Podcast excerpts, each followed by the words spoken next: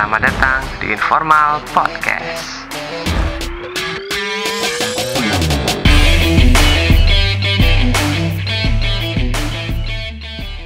Assalamualaikum warahmatullahi wabarakatuh. Ya, Halo, Waalaikumsalam warahmatullahi wabarakatuh. Semua kembali lagi di Informal Podcast. Setelah sekian lama saya vakum, kayaknya terakhir upload bulan Februari, baru bulan November ini mulai aktif lagi. Ya kemarin karena ada corona dan lain sebagainya, sulit-sulit ketemu orang, sehingga ya jadi sulit juga gitu untuk eh, apa untuk wawancara dan lain sebagainya. Tapi kemudian hari ini ini ada rencana untuk bikin informal podcast season 2. Kita mau bikin sesuatu yang baru yaitu kalau biasanya hostnya cuma satu, ini sekarang ada dua. Nah ini yang menjadi teman Iya, host betul. saya. teman host saya ini adalah sahabat saya pas SMA dulu. Namanya Mas Dimas Aji. Halo Mas Dimas. Halo Mas Isan. Mas Isan. Halo, gimana? Apa kabar? Halo, halo. Halo. Baik, Mas Isan bagaimana kabarnya? Alhamdulillah baik juga. Nah ini Oke. eh, kita rencananya apa ya? Ya gini mau ngobrol-ngobrol aja lah, masih tetap sama dengan konsepnya informal yang apa ya? Ya namanya aja informal itu ya kita ngobrolnya ngalor ngidul macam-macam lah pokoknya kita Yo. obrolin. Nah ini untuk perkenalan aja, Mas Dimas Aji ini temenku SMA dulu di SMA Satu Kasihan, SMA Tirto Nirmolo. Terus dia lanjut, akhirnya lanjut ke Unsut di peternakan, nerusin jejak ayahnya. Terus sekarang kerja di Cirebon. Nah ini kemarin nemu tweetnya du, nemu tweetnya dia yang dia galau masalah hidup. Dia apa? nggak tahu mau ngapain lah ini. Mungkin terkena sindrom apa tuh? Quarter life crisis. Nah, akhirnya saya japri. Ah, Dia Iya, sih yang crisis. saya. Kita jabri-jabrian ngobrolin kita mau ngapain. Akhirnya kita bingung, tapi terus aku usul piye nek kita kita podcastan we gitu. Mungkin nggak dapat uang, tapi seenggaknya kita bikin sesuatu lah. Kita punya karya, kita punya apa ya? Ya seenggaknya Iya. Bisa bikin sesuatu lah daripada mau meneng we. Jejak. Nah, jejak jejak digital. Heeh. Walaupun Jadi- kadang itu menakutkan ya. Intinya betul. Intinya ingin Mas Isan. Iya Mas Haji. Jadi men anak cucunya Dewi ngerti no. Wah, Mbah Kumbian, Bapak Kumbian tahu berusaha untuk menghadapi sebuah krisis dalam hidupnya ngono ya, Pak. Siap, Ya, jadi siap. mungkin aku meh cerita Siti sih, San. boleh boleh boleh. Berhubung rungono bintang berhubung rungono bintang tamu, ya aku bintang Hmm. tamu sih apa-apa. Oh, tamu. siap. Jadi perkenalan wae Ah, ya, aku aku neng kene kita lah ya bukan aku. Maksudnya ingin ya, eh, berkarya ngono. Ya mungkin walaupun dari walaupun mungkin di awal itu kita piye ben oleh duit ngono kan. Karena apa ya selamane dhewe kerja karo wong kan kene yo enggak ngono kan. Maksudnya mhm. ya kita pengen berdiri sendiri ngono. Ben berdikari. ben iso urep lah walaupun berdikari aja sebut merek kuwi BUMN. BUMN Pak. Intinya ki apa ya di umur 24 tahun ini karena aku dan Mas Isan ini beda dua hari ya jadi Hmm. mungkin banyak kesamaan antara aku dan Mas Isan biar yo cah nom gue ojo ngasih luntang-luntung sih Ya, karena aku memang basic overthinking ya jadi segala sesuatu dipikir jadi mungkin kita aku dan Mas Isan ini punya ide yang sama gagasan yang sama sebagai anak muda mungkin yang dicari pertama memang profit ya Pak ya nggak munafik ya. benar benar Ya, benar. Ra? Ya, tapi iya. setelah kita setelah berdis setelah berdiskusi lama setelah banyak sesuatu yang dilalui ya kita mengalir aja kita niat berkarya niat bukan menghibur ya niat sharing-sharing pengalaman dhewe wae nek nek misalnya dhewe emeh bukan niat menggurui sih jadi ya sharing-sharing pengalaman wae Ya, ya, ya. wis tau mau lalui solusine piye apa sing intine nek ono solusi nek ono masalah mesti ono solusi kuwi jare bosku Oh, jari bosku. Siap. Jadi ya sebagai sebagai anak muda yang penuh overthinking ya kita harus membuat sesuatu yang mungkin bisa menginspirasi orang lain dan mungkin nggak salah jalan seperti yang kita ambil san. kita mungkin juga salah jalan misalnya. Benar, benar, benar. Bisa jadi apa yang kita ambil sekarang belum tepat atau? salah. Bener. Ya, jadi eh Nah, misalnya, oke, gimana? Kamu dulu, kamu dulu. eh kamu dulu lah. Wih lah, iya gimana ke pasaran. Malah jadi nggak enakan loh. Apa sih ini? Iya. Yes. Kowe sik, kowe sik, sing tua sik lah. Waduh, lebih tua dua hari ya. Iya. Ayo kakak. ya sebenarnya apa ya? Eh seperti yang dikatakan Mas Dimas Aji tadi bahwa apa ya istilahnya daripada kita itu overthinking tok gitu kan daripada malam nggak bisa tidur begadang kerja nanti kriip-kriip ngantuk gitu kan kan lebih baik apa yang di overthinkingkan itu tuh dituangkan dalam sesuatu kalau misalnya nulis mungkin benar. orang males gitu kan lagi ngetik suwe ya mungkin kita bisa hadirkan secara lisan nah sekarang kan ada media podcast yang mungkin itu bisa jadi sebuah wadah bagi ke overthinkingan kami untuk kemudian disalurkan kepada teman-teman Iya, yang betul. lain. Siapa tahu kan ternyata kita punya Heeh. kegelisahan yang sama. Mungkin nanti kita bisa apa saling ngobrol via media sosial kita masing-masing. Inf- informal punya Instagram namanya @informalproject kita bisa DM DM-an di situ jadi nanti eh, apa ya mungkin kalau ada teman-teman yang ngerasa punya ke- ke- kegelisahan atau apa yang pengen yang siapa tahu ternyata kita juga punya hal yang sama bisalah kita jabri-jabrian kita ngebahas dan mungkin nanti kita bawakan atau teman-teman itulah yang jadi bintang tamu kita nanti ya toh? kita ngobrol-ngobrol bareng lah Iya Pak, karena zoom-zooman nih lah Heeh. walaupun Ya. ngelak-ngelak betul. kadang-kadang Ya, karena memang oh, oh ya wes disyukuri, Setit- dinikmati. setidaknya suaranya masih bisa terdengar Oh, oh. Karena memang harfiah dari podcast itu suara Pak, bukan Ya, audio Pak. tanpa Dan visual. iya, video pak tanpa visual. iya. Hmm. Nek, jadi mis ngene iki, San. Karena ini kan episode perdana season 2 ya, yoi ya kan? yoi Nah, jadi Dewi mungkin ya meng- mengutarakan eh, latar belakang kenapa kita ini membuat podcast ngono ya.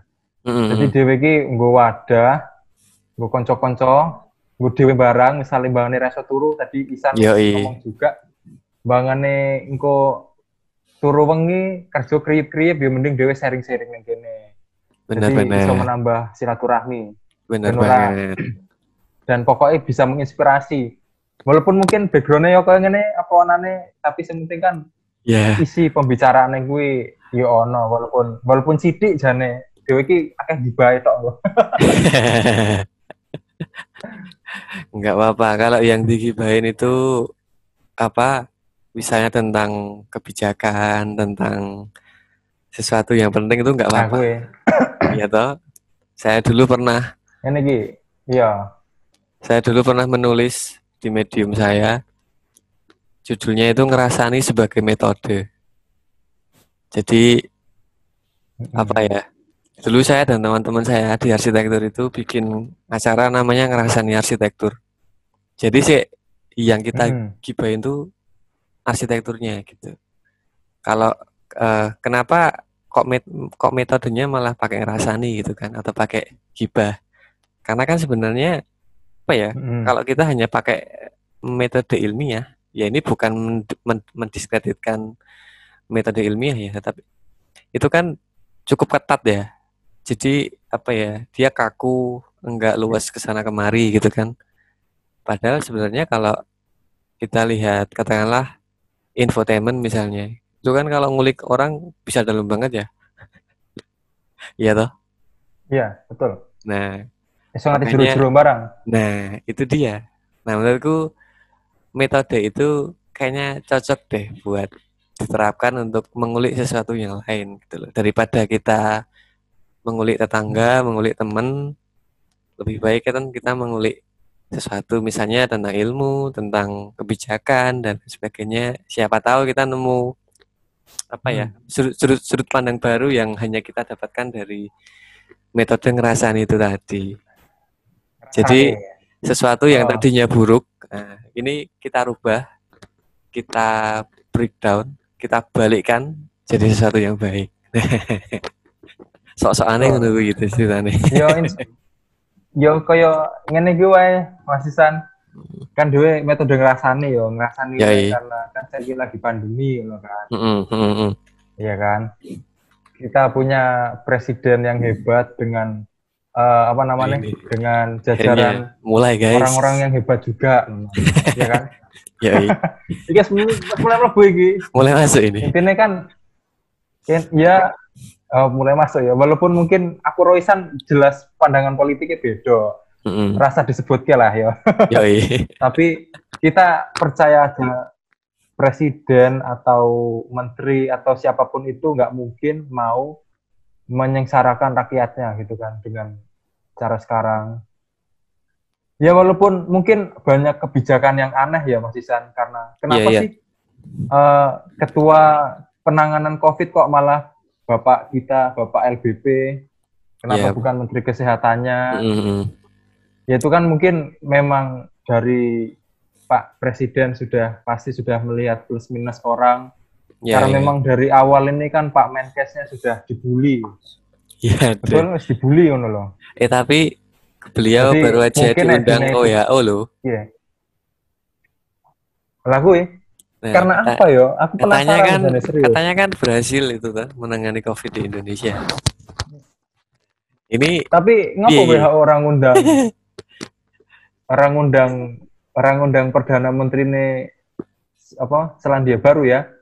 Iya ya, padahal pokok malah Pak Terawan sing diundang? Bener ya, padahal itu apa ya negara yang pertama kali pulih ya kayaknya. Benar-benar sampai kasusnya nol ya, zero gitu ya.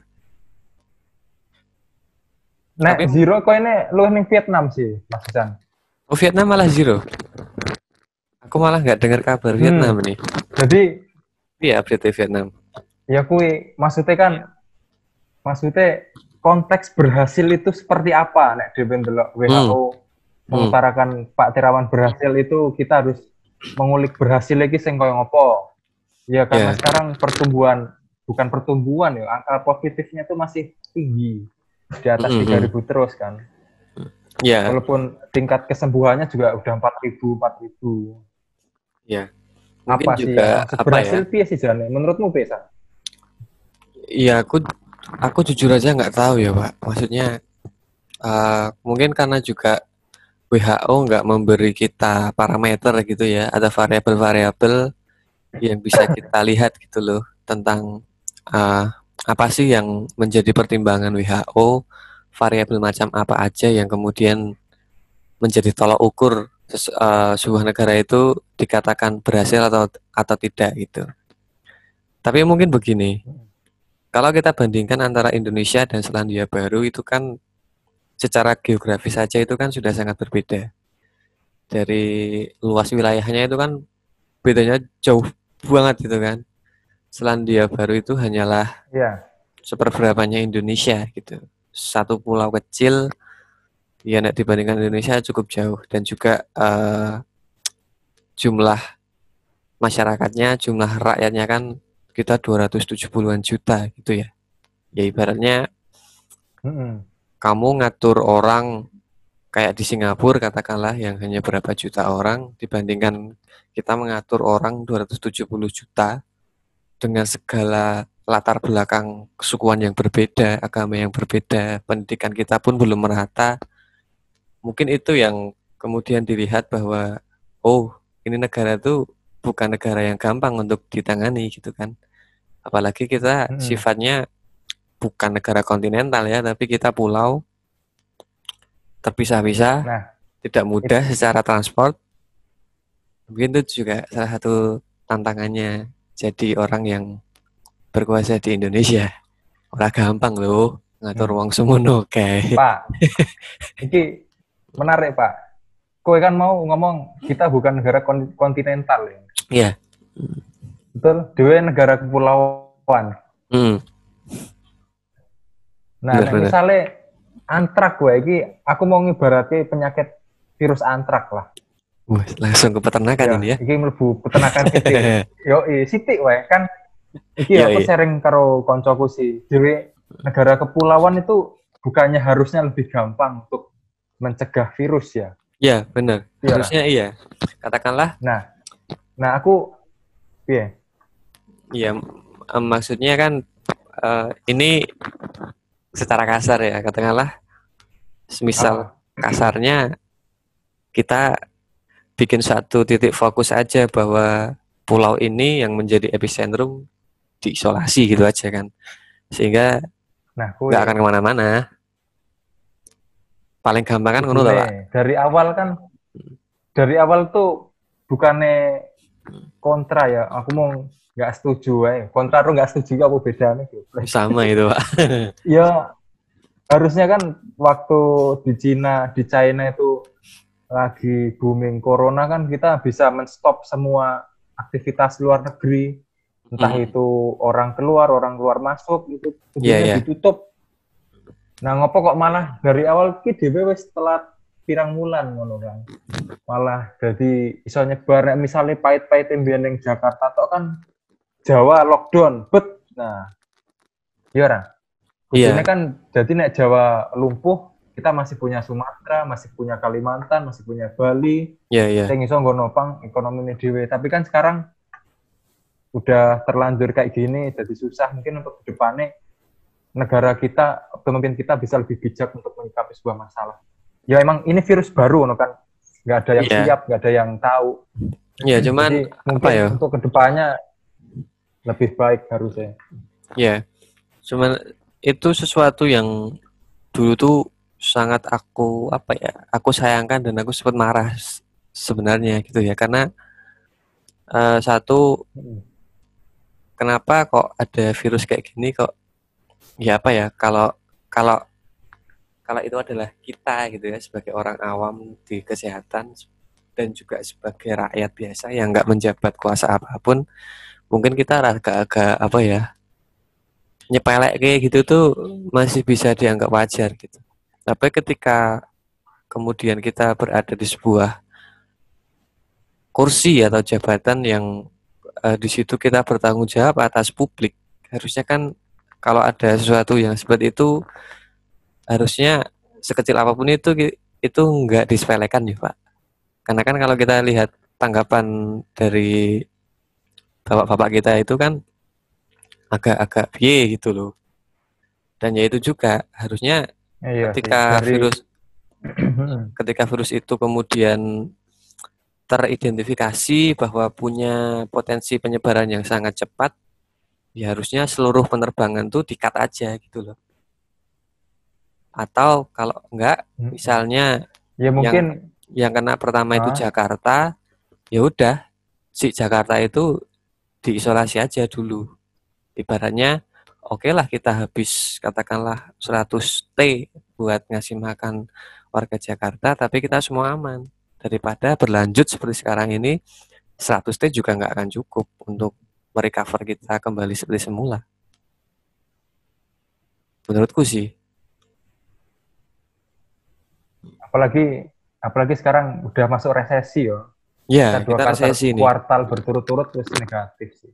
Min 3 apa ya Hmm. sekarang? Tapi itu Pak, pasar saham malah pasar saham malah meningkat tinggi Pak. Kemarin 3%, sekarang 2% nih. Berarti ra iya, iya, pasar saham. Ya, sama Pasar ini juga. malah positif gara-gara Malah positif. Positif rong dino iki Pak. Oh, Aneh ya? aneh ya. Dan ini Pak, ini ada, aku nggak tahu ya, Gue- apakah apakah apakah ini anomali atau gimana gitu. Kan kita kemarin benar-benar takut ya, eh ini akan menimbulkan dampak ekonomi yang sangat besar dan kita literally sekarang kita resesi. Terus beritanya banyak yang di PHK juga. Cuman tuh apa ya? Aku melihat fenomena di Jogja ya. Itu kok orang malah banyak bangun rumah ya, Pak. Jadi nek Wah. aku nek aku kok sepedaan tuh.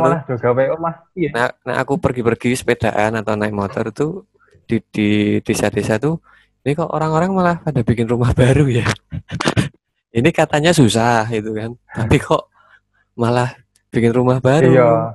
Dan terus kita lihat fenomena apa? kuwi para pesepeda ini kan aku juga senang sepeda emang emang dari dulu juga gitu kan anehnya tuh kok sepeda yang digunakan sama masyarakat tuh sepeda yang mahal-mahal ya bukan sepeda sih murah anu loh pak nah sepedanya kuwi paling enggak udah 4 Eh. 5 juta bahkan ada yang sampai at- ratusan gitu kan.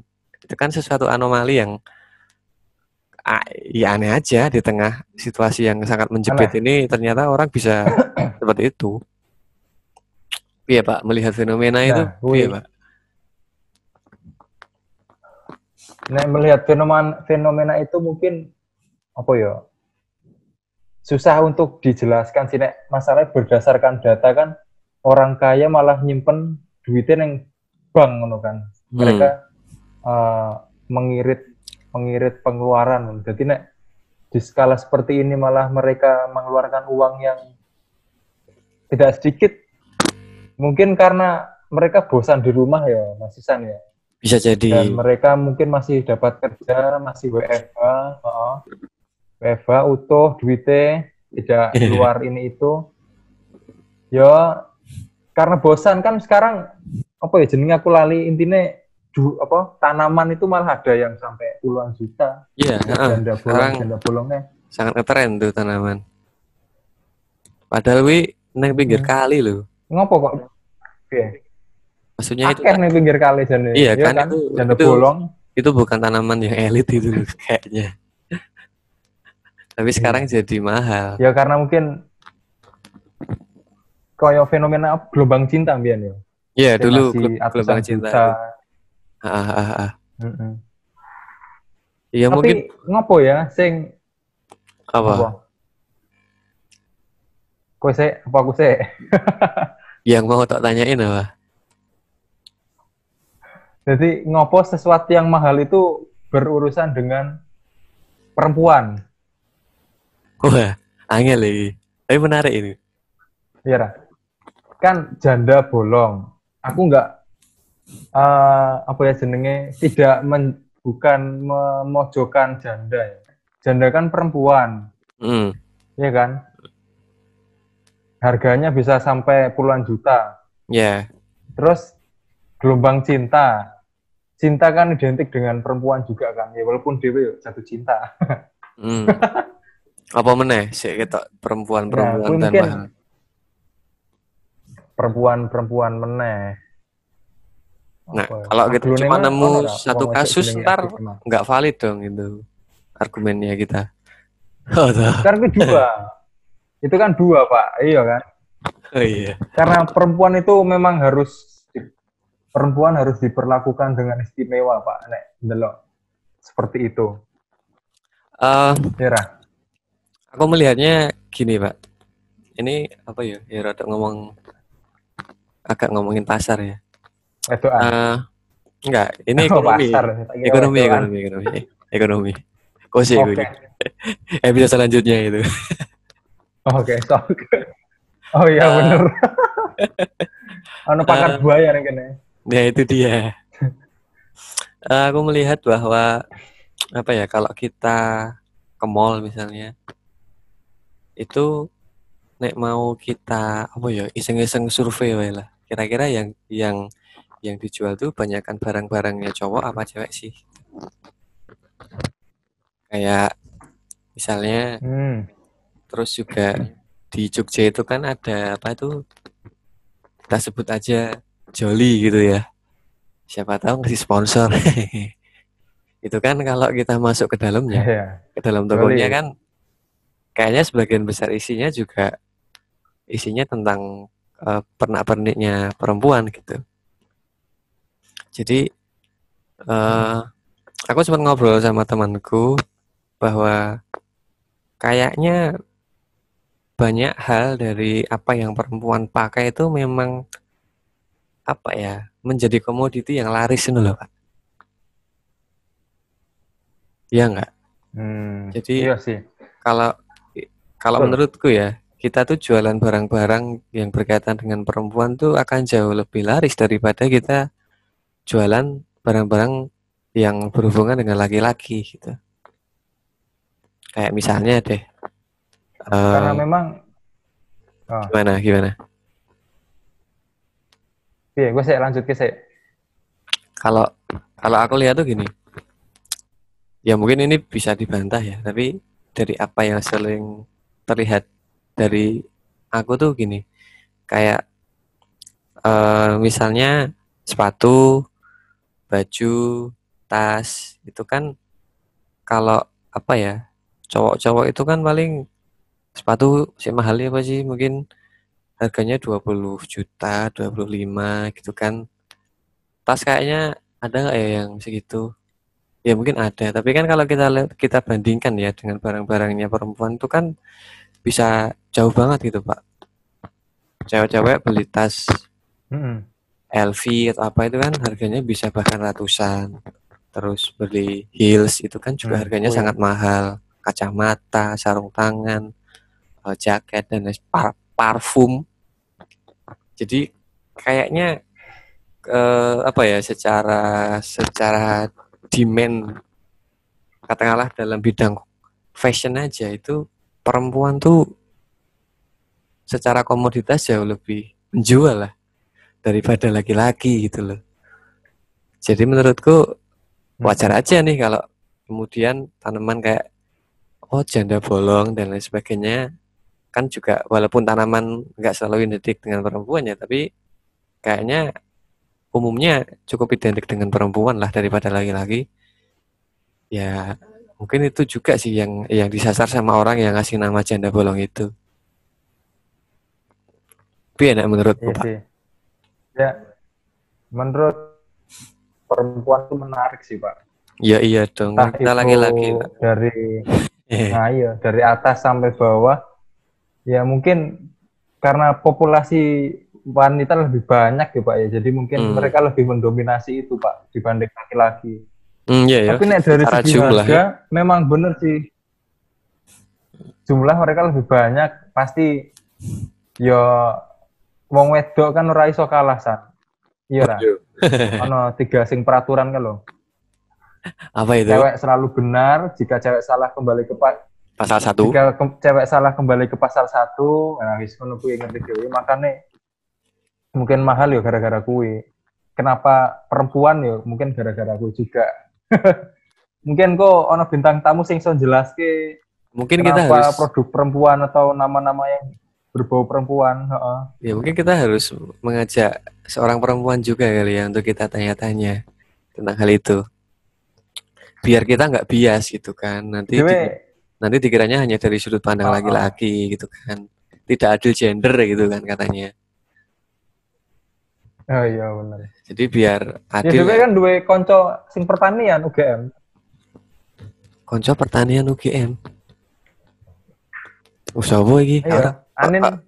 oh iya Anin ada siapa Iya ya kan, Anin. ada Mbak Oh. Mustika Oh, iya, Mustika. Dokteran tapi gue ya nggak apa-apa maksudnya kan dia mungkin bisa perempuan juga bisa itu jadi bintang tamu. Mm.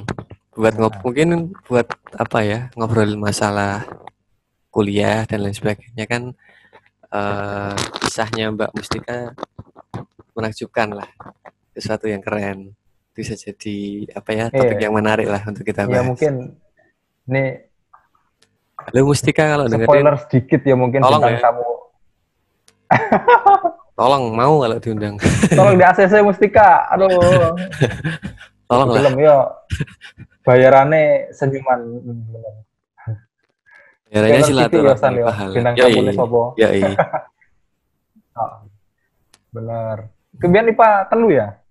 Dulu IPA 3, sebelahnya IPA 2. Nah, Mas Dimas Apa dari lebu IPA, Pak? dulu karena apa ya Pak? Sebenarnya aku nggak punya alasan tertentu sih, cuman kayaknya aku nggak mau ke IPS deh gitu. Dan karena di SMA kita cuma ada dua pilihan, hanya ada IPA dan IPS. Kalau aku nggak pengen ke IPS maka ya udah Mm-mm. bisanya ke IPA. Ke IPA. Walaupun ternyata dong nggak bisa matematika, Oh, nggak iya, bisa dong. fisika, kimia apalagi. Ya alhamdulillah lulus lah. Tapi sekarang udah udah sar, udah sarjana arsitek loh. Ya alhamdulillah. Wah, Alhamdulillah. privilege udah dapat kan Mas Isan. Ya enggak sih nah itu pak. Enggak lah. Iya kan, seenggaknya dengan kecemplung di IPA kowe iso lulus sarjana. Em, nek neng UI iki arsitektur oleh sekolah IPS pak. Jadi piye yo? Oh, Si siapa itu teman kita Mas ya, kebijakan kampus Pak. Mas Fandi itu. Fandi kan IPS tapi ya neng arsitektur jadi kakak kelasku, kakak tingkatku. Oh. Pandi kuwi sing gitaris ya? Apa Fandi ki Drummer drummer, drummer, drummer, drummer relas intro. mantane mantanku? Waduh, kok ketek mana nih kan? Aduh ya Allah, aku gak bisa move on aku iki Pak, Pak. Aduh. Ya mantannya Mas Aji itu nggak jauh teman-teman. Tonggone Dewi. Eh, eh, Itu nanti akan ada sesi khusus tonggoku. Ya. perjalanan buaya ya. Menarik lah itu. Oh. Iya aku Iya sih, aku akuin buaya, Pak. Buaya, buaya di udara, laut dan darat ya. Berjaya semuanya pokoknya. Alai TNI lah. Jane nek ameh bahas ameh bahas wedoan saiki rong wayahe, Pak. ya. Engko wae. Nanti Oke. lah. Memang perempuan itu lebih lebih menarik untuk dibahas ya, Pak. Ya. Iya. Dibanding yang lain. Daripada ngomong ekonomi ya Pak. Oh iya, mending mending ngomong wedoan tapi ya gosek lah kuwi ono sesine dhewe. Ya ini Ngomong-ngomong nek masalah ekonomi ngene iki, Iya, iya, iya. Masalah ekonomi kenapa? Masalah ekonomi ini kan ya dhewe nggak ono basic ekonomi ini ya, cuman kita kan hidup gitu ya. Hidup butuh uang. Hmm. Nggak munafik juga nek dhewe butuh duit. Iya dong. Lagi masa kayak gini, lagi masa corona, golek gawean angel, Iya. ameh usaha ora ndek duit, Nah itu modal susah. ameh ameh apa wae angel jane nek masalah ekonomi ngene iki kok iso wong-wong pengusaha kuwi memulai sesuatu yang besar dengan sesuatu yang kecil ya Pak ya. Iya, iya sih. Itu apa ya? Ternyata bukan sesuatu yang mudah gitu ya. Ya aku ya nyoba-nyoba, Oh, untuk saya kira berhasil sih. Semoga aja nanti berhasil. Cuman ternyata eh, apa ya? Kayak dulu kan kita sering lah lihat eh, para pengusaha di diwawancara gitu kan, terus mereka ditanyain gimana susahnya zaman dahulu pas mereka merintis itu kan kita kayak ah mau sok sih kayaknya mereka lancar-lancar aja deh gitu kan. Kan kita hanya melihat mereka pas udah Mm-mm. sukses ya udah punya karyawan banyak punya pabrik banyak gitu tapi ternyata eh, setelah dicoba-coba sendiri oh ya ternyata apa yang mereka bilang tuh bener. Ternyata emang nggak semudah itu. Mm-mm. semangatnya nggak boleh patah sama sekali. Harus kreatif harus harus inisiatif yang tiada henti Ya, slogan apa tuh pengusaha nggak ada matinya itu aku rasa bu itu bukan slogan tapi emang sebuah prinsip yang harus dijalankan ya kalau nggak punya sia-sia malah mati beneran nanti nggak bisa bertahan Iya, dong di benar. tengah-tengah pasar yang apalagi kayak pasarnya hari ini kan apa ya pas satu kayak cair banget gak sih? Apa yang hari ini hits, seminggu lagi udah hilang. Ada hal baru lagi, hilang lagi gitu Iya. kan. Kalau kita nggak bisa beradaptasi dengan itu, ya kita kocar kacir juga. Ya apa ya Pak? Ya, ya, ya tantangan lah, sesuatu yang apa ya? Menurutku para generasi muda kayak kita tuh harus mulai berpikir tentang itu gitu. Dalam artian kalau kita bisa membuat sebuah usaha, apalagi kita bisa mempekerjakan, ya bukan apa ya bahasanya bukan mempekerjakan ya, tapi kita bisa bikin lapangan pekerjaan. Enggak, kita bisa bikin lapangan pekerjaan yang katakanlah apa ya? Sekarang ada banyak yang di PHK. Nah, siapa tahu gitu, gara-gara usahanya teman-teman tuh mereka jadi bisa kerja lagi. Kan kita jadi ikut menyumbang Iya. eh, apa?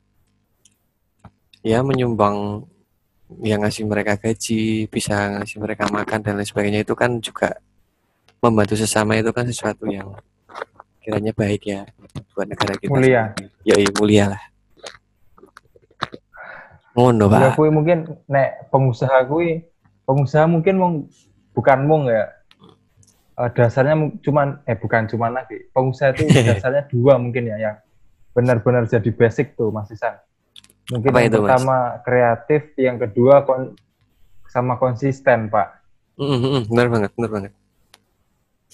Nah, dhewe wis akeh contohnya lah BlackBerry biyen 2009 ya.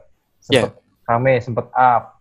Nokia, Nokia. Mereka tidak inovasi. Hmm, Nokia sing mbok nggo ya saiki kan Ya, aku pakai mulai Nokia. merangkak naik lagi walaupun Ya dulu walaupun agak sombong ya lah. ada sedikit-sedikit. Heeh.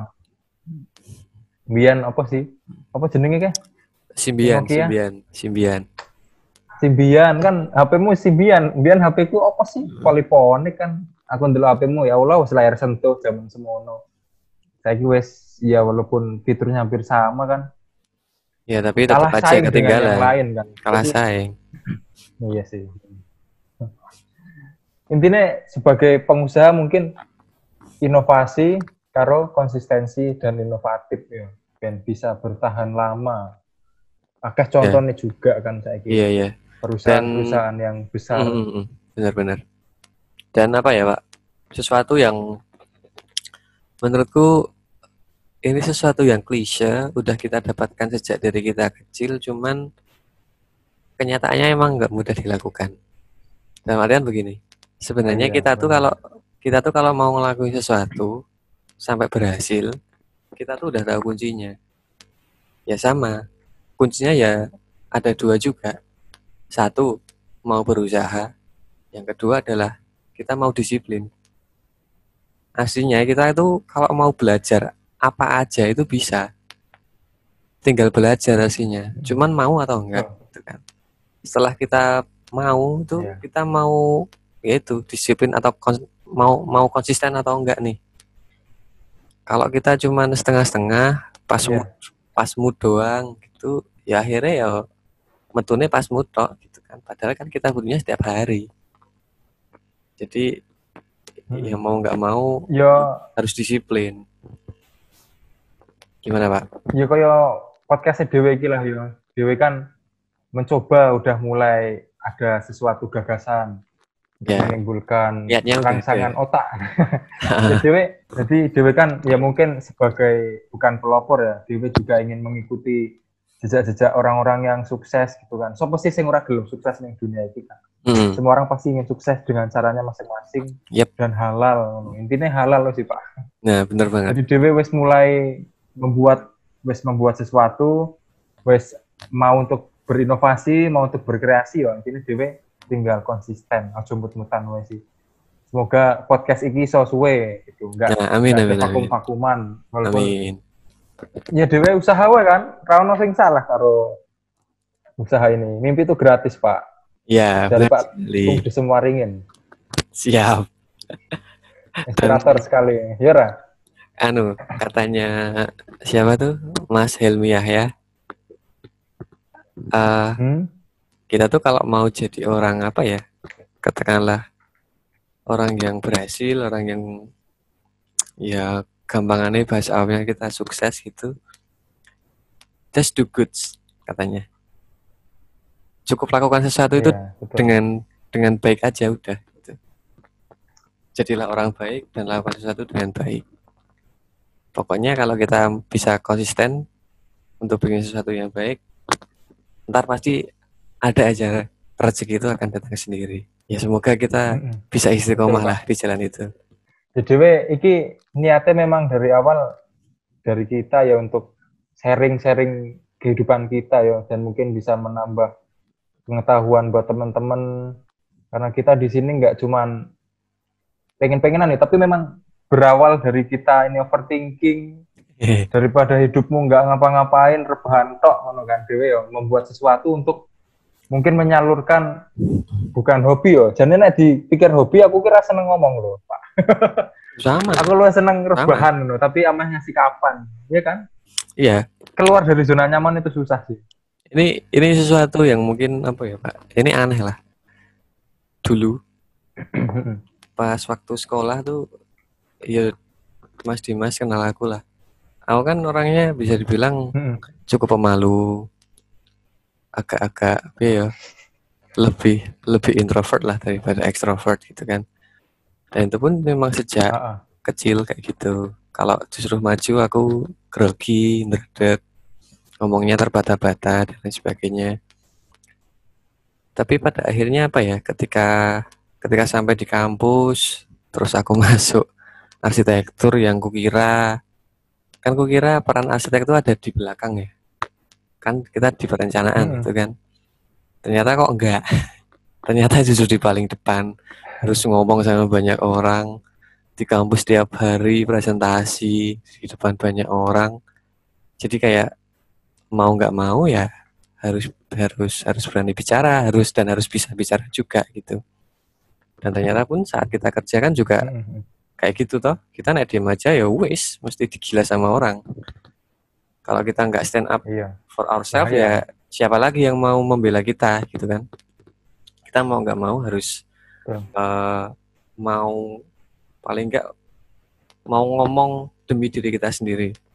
Kalau nggak demi orang lain mungkin kan sulit ya kalau kita demi orang lain tapi paling nggak kita stand for for ourselves dulu. Ourselves. Mm-mm. plus Mungkin juga kowe. Gimana? Oh, silahkan. Kowe sik kowe lanjut kowe ya plus juga aku rasa apa ya nggak ada yang salah dari kita tuh bicara gitu loh. Apa salahnya sih? Eh, maksudnya dulu kan aku mikir ah ngapain sih ha- harus harus ngomong gitu kan. Males orang ntar nggak dengerin dan lain sebagainya gitu. Tapi setelah aku pikir-pikir ya daripada aku diem aja gerundul sendiri di hati nggak enak sesuatu yang pengen aku omongin nggak tersampaikan mending aku sampaikan aja terserah mereka mau menanggapinya Iya. gimana seenggaknya dengerin po enggak yo Heeh, seenggaknya hatiku sendiri tuh udah lega gitu kan. Dan katanya siapa tuh? Pak Mardigu tuh, Mardigu Wowi tuh, oh Mardigu bosman Mm-mm. Mm, bosman tuh banyak generasi kita itu katakanlah apa ya dalam dunia kerja, dunia usaha, mereka salah satu faktor yang bikin mereka nggak berhasil adalah karena mereka berdalih bahwa kan aku introvert, aku nggak, aku malas Iya. ngomong gitu.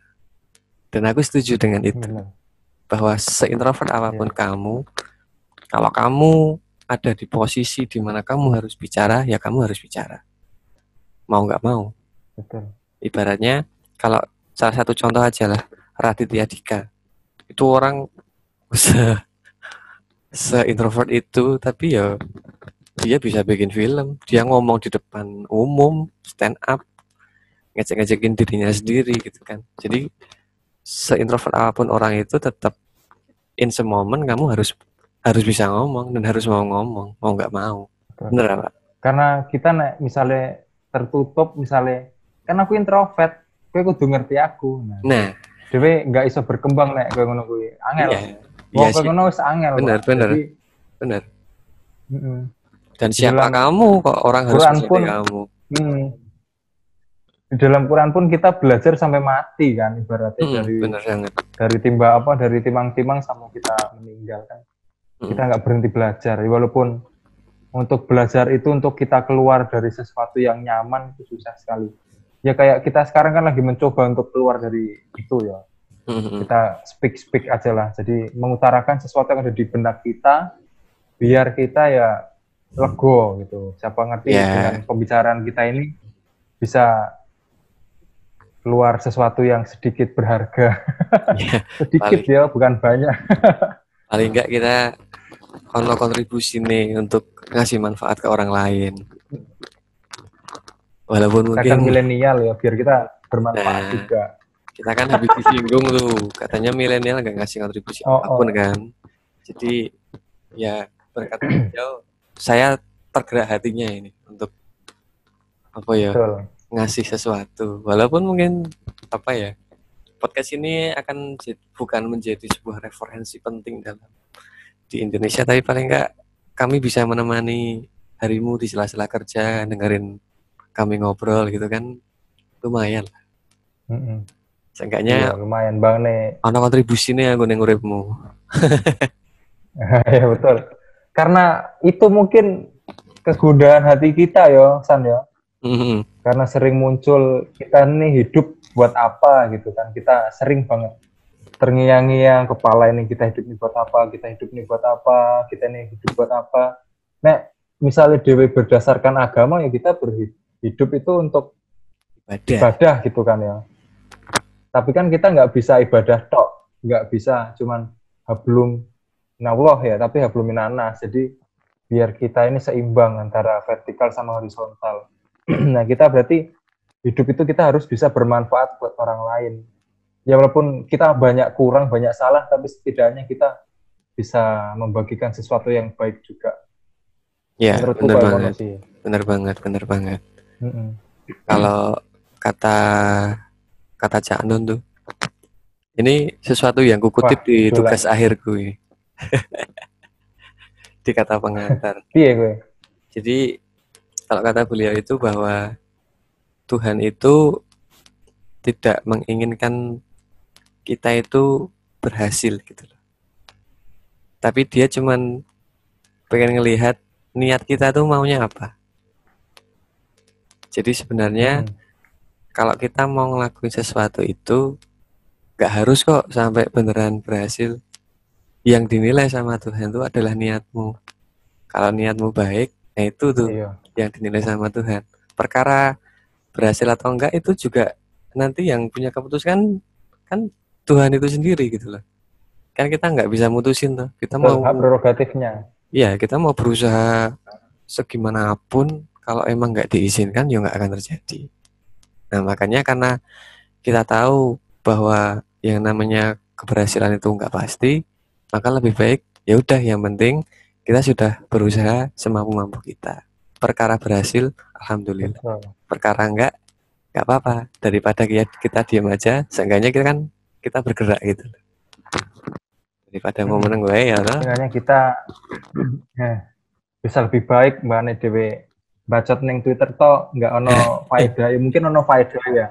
Karena mungkin orang kan ada beberapa tipe ya yang mungkin dengan ngomong dia lega dengan ngomong dia bisa berekspresi ada juga yang dengan tulisan kan. Iya, Karena memang angan-angan orang itu bisa ditulis kalau dia memang ingin gitu. Nanti bisa jadi sebuah karya entah itu buku entah itu apa. Nah karena memang kita atau aku ya nggak bisa untuk nulis ya mungkin dengan cara ini kita bisa berbuat atau bisa ber- merubah diri kita dulu sih setidaknya sebelum Mhm. bisa merubah orang lain Ya. Oke. Mungkin ini kayaknya udah sejam belum ya? Aku nggak tahu sih. Ini nggak ada timernya ya. Udah sejam sih, Ci? Atau udah wes ya? sekat ya? pak Mungkin ini udah cukup lama kita ngobrolnya. Mungkin ini intro dulu buat pembukaan informal podcast sesi kedua. Untuk sesi selanjutnya nanti aja deh, biar jadi rahasia, biar penasaran. Tunggu aja. wes kelune sih jane Nah, ya tadi tadi lah. bagi yang memperhatikan itu kan kalau kata Al-Qur'an. Ah. Tapi mungkin ya udah bingung wongnya sing digarap ki apa dhewe. ya, kayaknya ya ada ya ngalor ngidul ya. Ayo kan jenenge informal kan. Yo, eh. Bebas lah. Nah, mungkin kita akan kembali lagi eh, minggu depan. Insya Allah kita upload setiap minggu ya, Ci. Iya, harus setiap minggu kita mengisi waktu luang. Insya Allah kita upload setiap minggu. Semoga tiap hari Jumat kita bisa upload. Eh biar kan Jumat biasanya udah pada selesai kerja gitu kan, Sabtunya libur. Meskipun kayaknya Mas Dimas enggak. enggak tahu deh gitu. Enggak ono libur, Pak. Oh, enggak ada libur. Kan kalau kalau orang kantoran kan pada libur itu ya. Jadi menemani capek-capek kerja. Semoga podcast ini jadi teman lah untuk menghantar weekend teman-teman sekalian. Gitu ya Mas Haji. Untuk sesi kali ini Oke, bagus. kita cukupkan sekian dulu. Semoga ini menjadi intro yang apa ya, menjadi sebuah eh, latar belakang yang cukup untuk mengantar apa yang akan kita deliver selanjutnya. Semoga menjadi manfaat buat teman-teman semua. Terima kasih banyak. See you next week. Wassalamualaikum warahmatullahi wabarakatuh. Bye bye. Waalaikumsalam. Bye bye.